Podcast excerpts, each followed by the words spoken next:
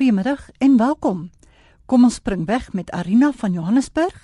Ek het haar gevra hoe hulle voorsiening gemaak het vir hulle kinders se studies. Toe hulle gebore is, het ons besluit ons gaan vir elkeen 'n studiepolis uitneem. Dit vir om met my seun het ons dit gedoen en toe met my dogter het ons eintlik 'n ander opsie gedoen. Ons het een van daai uitkeer aan die tydgoeders uitgeneem vir haar eerder omdat die studiepolis nie so goed was in terme van sy uh, dat dit voldoende is vir sy studiegelde nie. Dit hou nie tred met die lewe se onkoste nie, pryse wat verhoog en so aan en ons het dan ook 'n probleem gehad dat sy nou eers uitbetaal sy 20 is en my ek meen hy maak skool klaar op 18 jarige ouderdom en dan wat doen ons vir 'n jaar en 'n half wat hy nou nou nog nie uitbetaal kry nie. Dit is 'n probleem vir ons. Arina se geval wys net weer hoe belangrik dit is om gereeld jou polisse te laat hersien en seker te maak die opbrengs gaan nog in jou behoeftes voorsien. Ons ateljeegas is David Skots, finansiële hoof van Eduloan. Middag David, lekker om vandag met jou te kuier en dit oor 'n onderwerp wat menige ouers nags laat wakker lê en tande kners, die koste van verdere studie. Middag Helen. Min mense kan vandag bekostig om te gaan studeer of om hulle kinders te laat studeer sonder om gebruik te maak van 'n lening. Voordat 'n mens egter 'n lening uitneem, moet 'n mens mooi nadink oor 'n paar dinge, nie waar nie? En van my kant af, jy kyk na 'n lening in terme van hoe ek dit sal opsom, slegte skuld of goeie skuld. Nou spesifiek as jy kyk na studie lenings, sal ek in die kategorie klassifiseer as goeie skuld. Kom ons vergelyk dit met 'n verband. Jy gaan tog kyk na sê eiendom en jy hoop hy sal groei in waarde. So in terme daarvan sal jy tog 'n lening uitneem en 'n investering maak in 'n eiendom. Ek sien dit dieselfde vir studie. As jy jouself of jou kinders wil help studeer, dis 'n investering in hulle toekoms, in hulle inkomste potensiaal vir wat ook al in die toekoms sal gebeur. So van my kant af is dit belangrik om wel as jy skuld aangaan, goeie skuld aan te gaan. En soos ek weer eens sê, dit is spesifiek as jy kyk na studielenings, is dit goeie skuld. Verder, jy moet mooi kyk na wat jy wil studeer. As jy kyk na waar jy tans is, ehm um, waar ons land in Suid-Afrika is, daar's tog 'n tekort aan sekere professies. En dit is baie belangrik om dan jou huiswerk te gaan doen. Kyk waar jy kan 'n uh, impak maak in die toekoms. Tans moet jy kyk na die wetenskappe, tegnologie, ingenieurswese en natuurlik enigiets wat met wiskunde te doen het. Dit is baie belangrik. Dis ook nie te sê ambag is nie belangrik nie. Ons weet daar's ook 'n groot tekort daaraan. So dis die volgende stap wat jy dan sal moet kyk. Maar uh, David, wat jy dan met ander woorde eintlik sê is dat om geld te belê in jou studies of in jou kunststudies is 'n belegging wat ook 'n opbrengs moet toon. En as jy iets gaan studeer waarvoor daar geen aanvraag is nie, dan gaan jy nie daai opbrengs kry nie.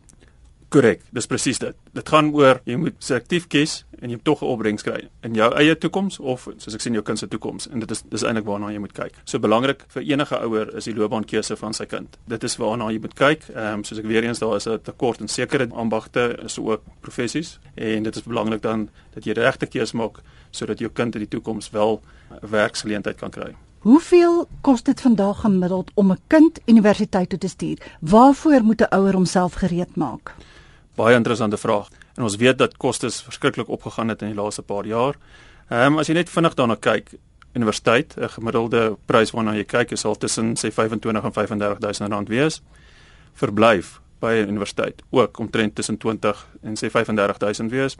Dan kos, kom ons sê dit kos jou so 12 tot 15000 rand. Dan sluit dit nog uit jou klere, jou selfoon wat natuurlik as jy al hierdie goed bymekaar tel, dit maklik omtrent in die omgewing van 100 000 rand per jaar tans sy ouer om sy kind op die, op die universiteit. En jou kind is dan natuurlik nog afhanklik, so hy's nou nog op jou mediese fonds en jy neem versekerings uit en vervoer en al daai dinge kom nog by. Presies. So, so dit is eintlik 'n redelike belegging in die kind. So obviously wil jy hê dat in die toekoms iets daarvan gaan kom en dit is baie belangrik dat die kind verstaan die die impak en die koste verbonde aan deesdae se tersiêre onderrig. Hoe bring 'n mens daai idee by 'n kind tuis? Want hulle het nog nooit self geld verdien nie. Hulle verstaan nie altyd mooi wat daai koste beteken nie, hoe hard 'n ouer moet werk en spaar om daardie geld bymekaar te maak nie. Dis weer 'n goeie vraag. Persoonlik van my kant af, ek dink en dis hoe ek ook gestudeer het, is om 'n kind geleentheid te gee om geld te verstaan, om finansiering te verstaan. Hoe ek vir my studies betaal het, was die normale, so tradisionele bank produk waarby jy studeer en jy basies in 'n oor 'n tydperk terwyl jy studeer 'n ouer borg staan en basies die lening net die rente delg oor daai periode. Sodra jy klaar gestudeer het, sodra jy graad kry, sodra jy begin werk, dan betaal jy terug kapitaal en die rente. Dit het baie duidelik gemaak dat jy kan nie vir altyd studeer nie. Studeer om klaar te maak aan die een kant en hoe vinniger jy klaar maak, hoe vinniger kom jy in die mark, hoe vinniger jy gaan jy geld verdien. So daar's eintlik 'n kan ek sê verantwoordelikheid van beide kante. Baie belangrik dat die ouer oordra aan die kind van die waarde van geld van jongs af, nie mors nie, miskien die konsep van spaar aan hulle van van jongs af verduidelik. Dit is 'n kombinasie tussen opvoeding van die ouers se oogpunt af, maar as ook die die kind moet tog op 'n manier leer dat dit belangrik is om te spaar of as jy lenings aangaan, hoe om die finansiële om dit te hanteer. Ja, en dat hulle definitiewe verantwoordelikheid het self. Jy het nou nog gesê David dat mense kan maar verwag op 'n oomblik as 'n kind nou studeer, so 100 000 rand plus. Maar as jou kind, jou seun of dogter van jaar in 2013 gebore is, hoeveel reken jy moet 'n mens dan elke maand byvoorbeeld wegsit om voldoende voorsiening te maak vir die kind se tersiêre studies wat oor 18 jaar behoort te begin? Wat gaan dit jou byvoorbeeld in 2031 kos om jou kind universiteit toe te stuur? Ehm um, ek het 'n vinnige berekening gedoen Helen en basies gekyk na sê my ons sê inflasie is tans omtrent 6%, maar ons hoop jy kan belê teen sê 4% beter as dit, kom jy omtrent by belegging van omtrent 10% per jaar. Nou as jy dit in ag neem, die die sommetjie wat ek gemaak het, gaan jy ten minste R2000 per maand moet wegsit om jou kind in 18 jaar se tyd te kan help om vir die eerste jaar te betaal van universiteit. Wat ek eintlik ook wil sê vir die luisteraars, hulle moenie moedeloos raak nie, want dit is baie geld, maar mens moet miskien net kyk in die begin dit wat jy kan bekostig op die stadium weg te sit en kyk maar wat in die toekoms gebeur, maar dit is 'n groot bedragie. Dit is Rand en Sent met Helen op RSG en by ons in die ateljee vandag is David Skolts van Eduloan. Hy is die finansiële hoof daar. Ons praat onder meer oor wat dit jou gaan kos om jou kinders verder te laat studeer.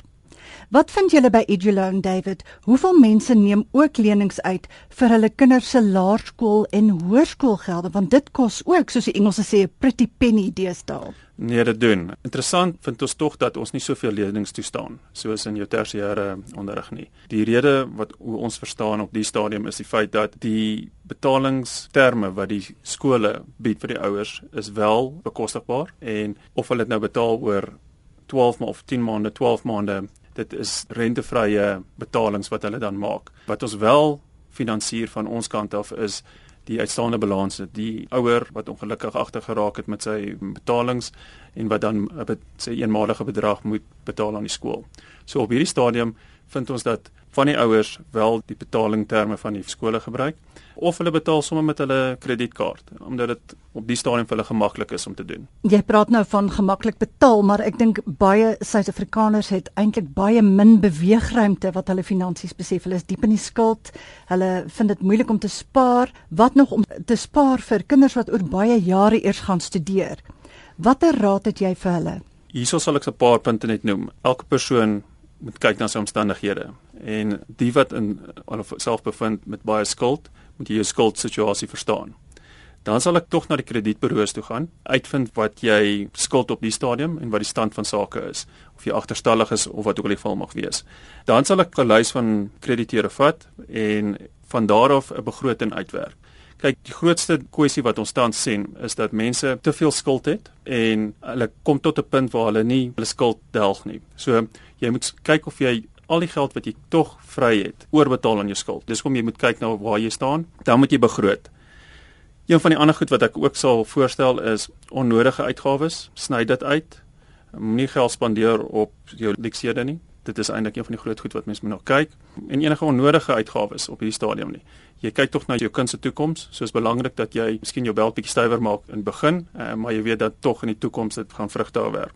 Dan sal ek ook sê, is belangrik dat jy nie skuld aangaan om skuld te betaal nie. Dit is wat baie mense nou op die eind kom hulle in daai sê siklus waar jy heeltyd kyk waar jou volgende uitkoms gaan wees, waar jy gaan weer skuld aanmaak om sê ander krediteure af te betaal. En dit wil jy nie doen nie. Dan trap jy in die skuldstruk waar jy basies jou skuld rol.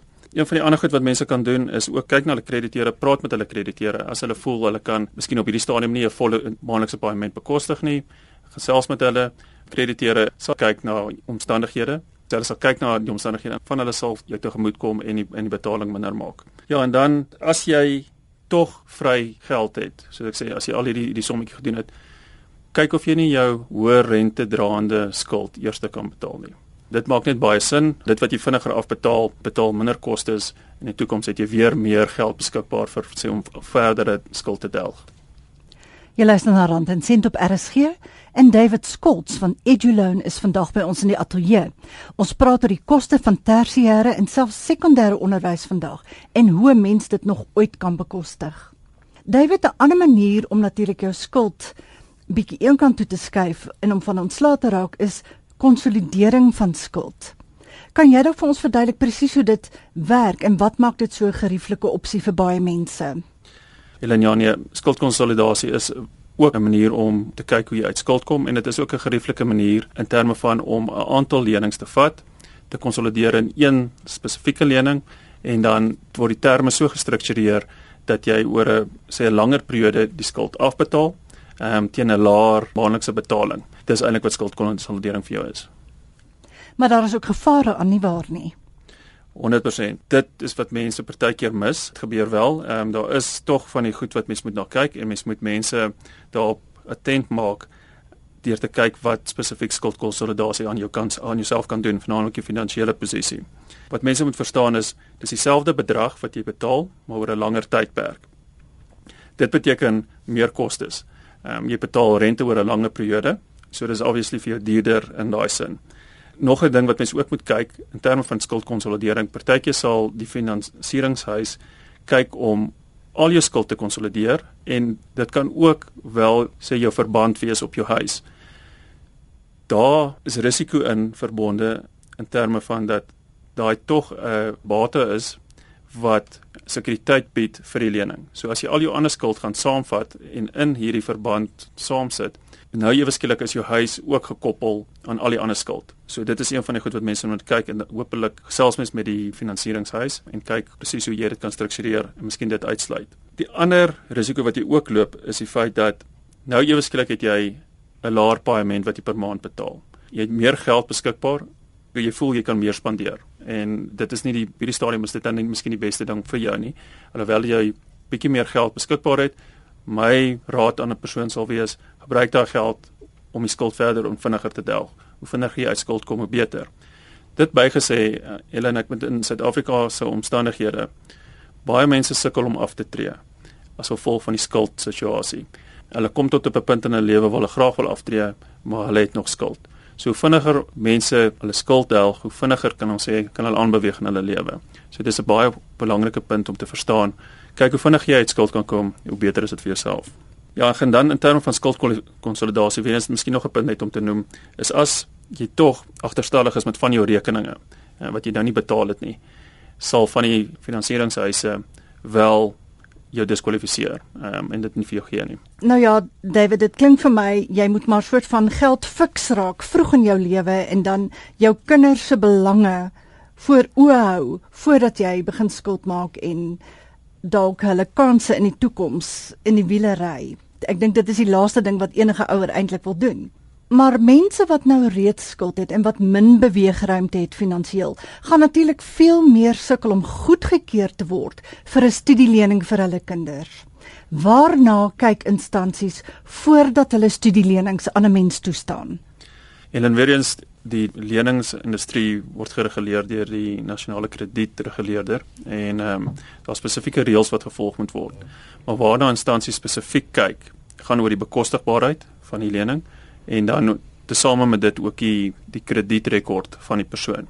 So dis baie belangrik dat in terme van bekostigbaarheid waar jy as jy op jou aansoekvorm sê dit is jou uitgawes en dis jou besteedbare inkomste dat jy die feite op die aansoekvorm sit want dit is belangrik dis waarna gekyk word om te sien of jy wel die lening kan bekostig. Die lang rekord daarvan is die instansie moet seker wees dat as vir jou die lening gee dat jy die oor die periode van die lening wel kan terugbetaal. In terme van die kredietrekord, dit gaan maar net terug en kyk soos hulle sal kyk op 'n kredietburo wat jy in die laaste sê of aantal jare hoe jy jou rekeninge behartig het. Betaal jy gereeld? Um, ons weet almal hier en daar is al moeilike tye, 'n noodgeval wat ook al. Dan mis jy miskien 'n payment. Daarna word gekyk, maar soos ek sê, dit is belangrik dat jy jou kredietrekord ook op datum hou en jou betalings maak wanneer en soos jy ooreengekom het met die instansie. Watter raad het jy vir ouers wat verantwoordelik wil wees en wat nou al wil begin spaar vir hulle kinders se verdere opleiding en wat nie deur skuld gekniehalter wil word nie? Daar sal ek sê moenie spandaalberig lewe op hierdie stadium nie en probeer spaar soveel as wat jy kan en jy moet vir jouself ook 'n buffer inwerk in jou lewe vir noodgeval. So dit is belangrik. Spaar is is een van die maniere om dit te doen sodat jy as daar so so die Engelsman sou sê rainy day is, dan het jy daarmee geldjies eenkant gesit. Maar natuurlik vir jou kinders is dit ook belangrik om te spaar vir die, vir die toekoms. Een van die ander goed wat ek sal voorstel, moenie sommer net op krediet koop nie. Bly weg daarvan sover as wat jy kan wag tot jou salaris inbetaal is en basies gebruik dit. Moenie lenings aangaan om jou lewenskoste te finansier nie. Dis baie belangrik. En wat ons ook al vind in die industrie is dat mense lenings aangaan nie net om dit te doen nie, maar ook om vir vakansies te betaal. Vir die korttermyn klink dit nou 'n baie goeie idee, maar die langtermyn is dit maar moeilik. Daar ja, sukkel jy. Dit klink soos een van daai dinge wat lekker klink en agterna as jy bitter spyt. Presies. En dan miskien net finaal gaan maar oor beplanning. Sorg net dat jy weet wat jou finansiële situasie is, kyk wat jy kan bekostig en spaar soveel soos jy kan, so gereeld soos jy kan. Ek is Helen en jy luister na Rand en Sent op RSG 100 tot 104 FM, jou program oor persoonlike finansies. David Skolts van Eduloan is ons ateljeegas en ons onderwerp is koste van verdere studie en hoe 'n mens dit nog kan bekostig. David, jy reken korporatiewe Suid-Afrika, met ander woorde die groot sake ondernemings en ander werkgewers, het ook 'n verantwoordelikheid in hierdie saak. Hoe sien jy dit? Wat moet gedoen word van daardie kant af? Ja, basies hoe ek dit sien is ons almal kom nie uit 'n finansiële agtergrond en het miskien nie die geleentheid gehad om 'n finansiële kursus te studeer nie ehm um, goed wat van 'n finansiële persoon van selfsprekend is, is vir 'n ander persoon glad nie. So, hoe kry ons dat Suid-Afrika daar buite finansiële terme verstaan en wat basies finansies behels? So, hoe ek dit sien is eerstens die verantwoordelikheid van die ouer. En ons weet ook in Suid-Afrika is dit miskien 'n probleem dat die ouer ook nie geskoold was nie. So, hoe kom jy daaroor? Op hierdie stadium voel ek baie sterk dat korporatiewe Suid-Afrika kan grootliks bydra tot die onderrig om mense net touwys te maak. Ons praat hierso van enige werkgewer daar buite, iemand inbring, bietjie te vertel van begroting, uh, finansiële beplanning, die tipe goed wat mense soos hy van selfspreking neem of bes, miskien nie eers nie, maar nie weet daarvan nie. So ek dink dit is baie belangrik dat korporatiewe Suid-Afrika wel deel in die onderrig en mense bewus maak van hoe belangrik finansiële beplanning is. Ja, hulle kan eintlik dan 'n groot rol speel in die finansiële opvoeding van die mense in ons land en so vir almal 'n beter toekoms help verseker. Ek stem saam met jou, Helen. Ek het vir Sharney, 'n BCom student aan die Potchefstroom kampus van die Noordwes Universiteit gevra of sy dink studente moet help terugbetaal aan studielenings? Ja, definitief. Dit kos ouers baie geld om 'n student hier universiteit te sit en hulle offer ongelooflik baie op om vir jou as 'n student 'n blink toekoms te gee. So die mense wat ons as studente kan doen is om net om bietjie met die terugbetaling te help. Ek dink 'n student werk ook harder as hy weet dat hy self verantwoordelik is vir die betaling van sy studies. Ek dink dit leer ook 'n student hoe om met sy geld te werk. My ouers het ook hulle ouers terugbetaal nadat hulle klog swak het en ek ek sou dit nie op 'n ander manier wou doen nie. Dit was dan Charney van die Pikke. Wat meen 'n student se ouers offer baie op en as 'n mens afgestudeer het, kan jy gerus self bydra om 'n studielening af te betaal. Hoe voel jy oor die saak, David? Ek dink hierdie is 'n goeie vraag en ek persoonlik voel soos ek sê hoe ek deur my studieloopbaan gegaan het, het ek basies myself gefinansier tot 'n mate. Ek dink dit is 'n goeie manier om jou kind te leer van finansies en ook om hom verantwoordelikheid te leer. Laat hy nie net universiteit toe kan gaan studeer en geniet en miskien nie besef as hy 'n vakkie hier of daar nie deurkom wat die impak het gaan wees nie. Dit gaan miskien 'n ekstra jaar wees. Soos ons nou net gesê het, dit kan 'n ekstra 100 000 rand wees. Hoe lank vat dit om 'n ekstra 100 000 rand af te betaal oor jou werksloopbaan waar jy vroeër miskien nie daai skuld gehad het nie. Weereens, dit gaan maar oor omstandighede as die ouers dit kan bekostig is dit miskien 'n ander saak, maar ek persoonlik dink al kan 'n ouer dit bekostig, is dit 'n goeie manier om nie net verantwoordelikheid nie, maar ook soos jy sê die opvoeding in terme van finansiële opvoeding ehm um, aan die kind te leer. Daar is verskillende produkte wat jy kan gebruik om dit te kan doen. Die tradisionele banklening, soos ek nou nou voorheen verduidelik het, waarby borg geteken word en die ouers of die, die persoon wat die borg geteken het, die rente sal delg oor die periode van die studies en daarna dan sal die student sodra hy begin werk dan terug begin betaal aan die lening wat wel kapitaal en rente sal wees. En dan gewoonlik betaal jy terug 1 jaar vir elke jaar wat jy gestudeer het. Korrek, dis dis ook reg. So maar wat ek dan daar sê is net van die begin af vir jou kind verduidelik hoe dit gaan werk. Die eind gaan jy net kyk, die student gaan daai jaar of hy gaan net daai jaar studeer, miskien 'n tweede jaar of derde jaar, miskien 'n vierde jaar maar dit hoop op. Laat hy die staat sien dat hy besef die wat die uitgawe is. Ehm um, laat hy saam met jou bank toe gaan sodra jy die volgende jaar weer jou resultate aan die bank gaan voorlê. Laat hy sien hoe groot daai bedrag word en dit sal hom soort van ook motiveer om vinniger deur te kom.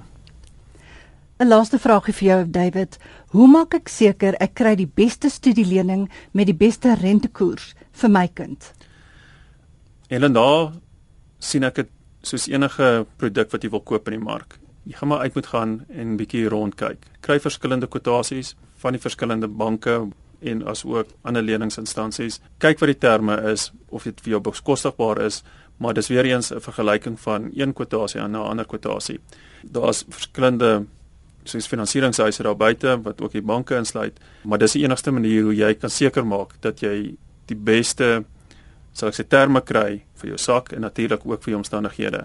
En dit wat jy kan bekostig is baie belangrik in terme van natuurlik om uit te kom aan die einde van die maand. Dit was dan David Skolts, finansiële hoof van Eduloan, oor hoe 'n mens kan beplan vir jou kinders se studiekoste. En 'n duur storie is dit gewis. Baie dankie David. Baie dankie Helen. Nou ja, soos gewoonlik, ek is op Twitter by @HelenUckerman of op Facebook by Rand en Sent Helen Uckerman en as jy weer wil luister, kan jy hierdie program aflaai in MP3 formaat van RSG se webwerf rsg.co.za. Onthou om volgende Sondagmiddag weer in te skakel op RSG om 04:30. Dit is Helen Uckerman wat groet. Geniet die res van die naweek.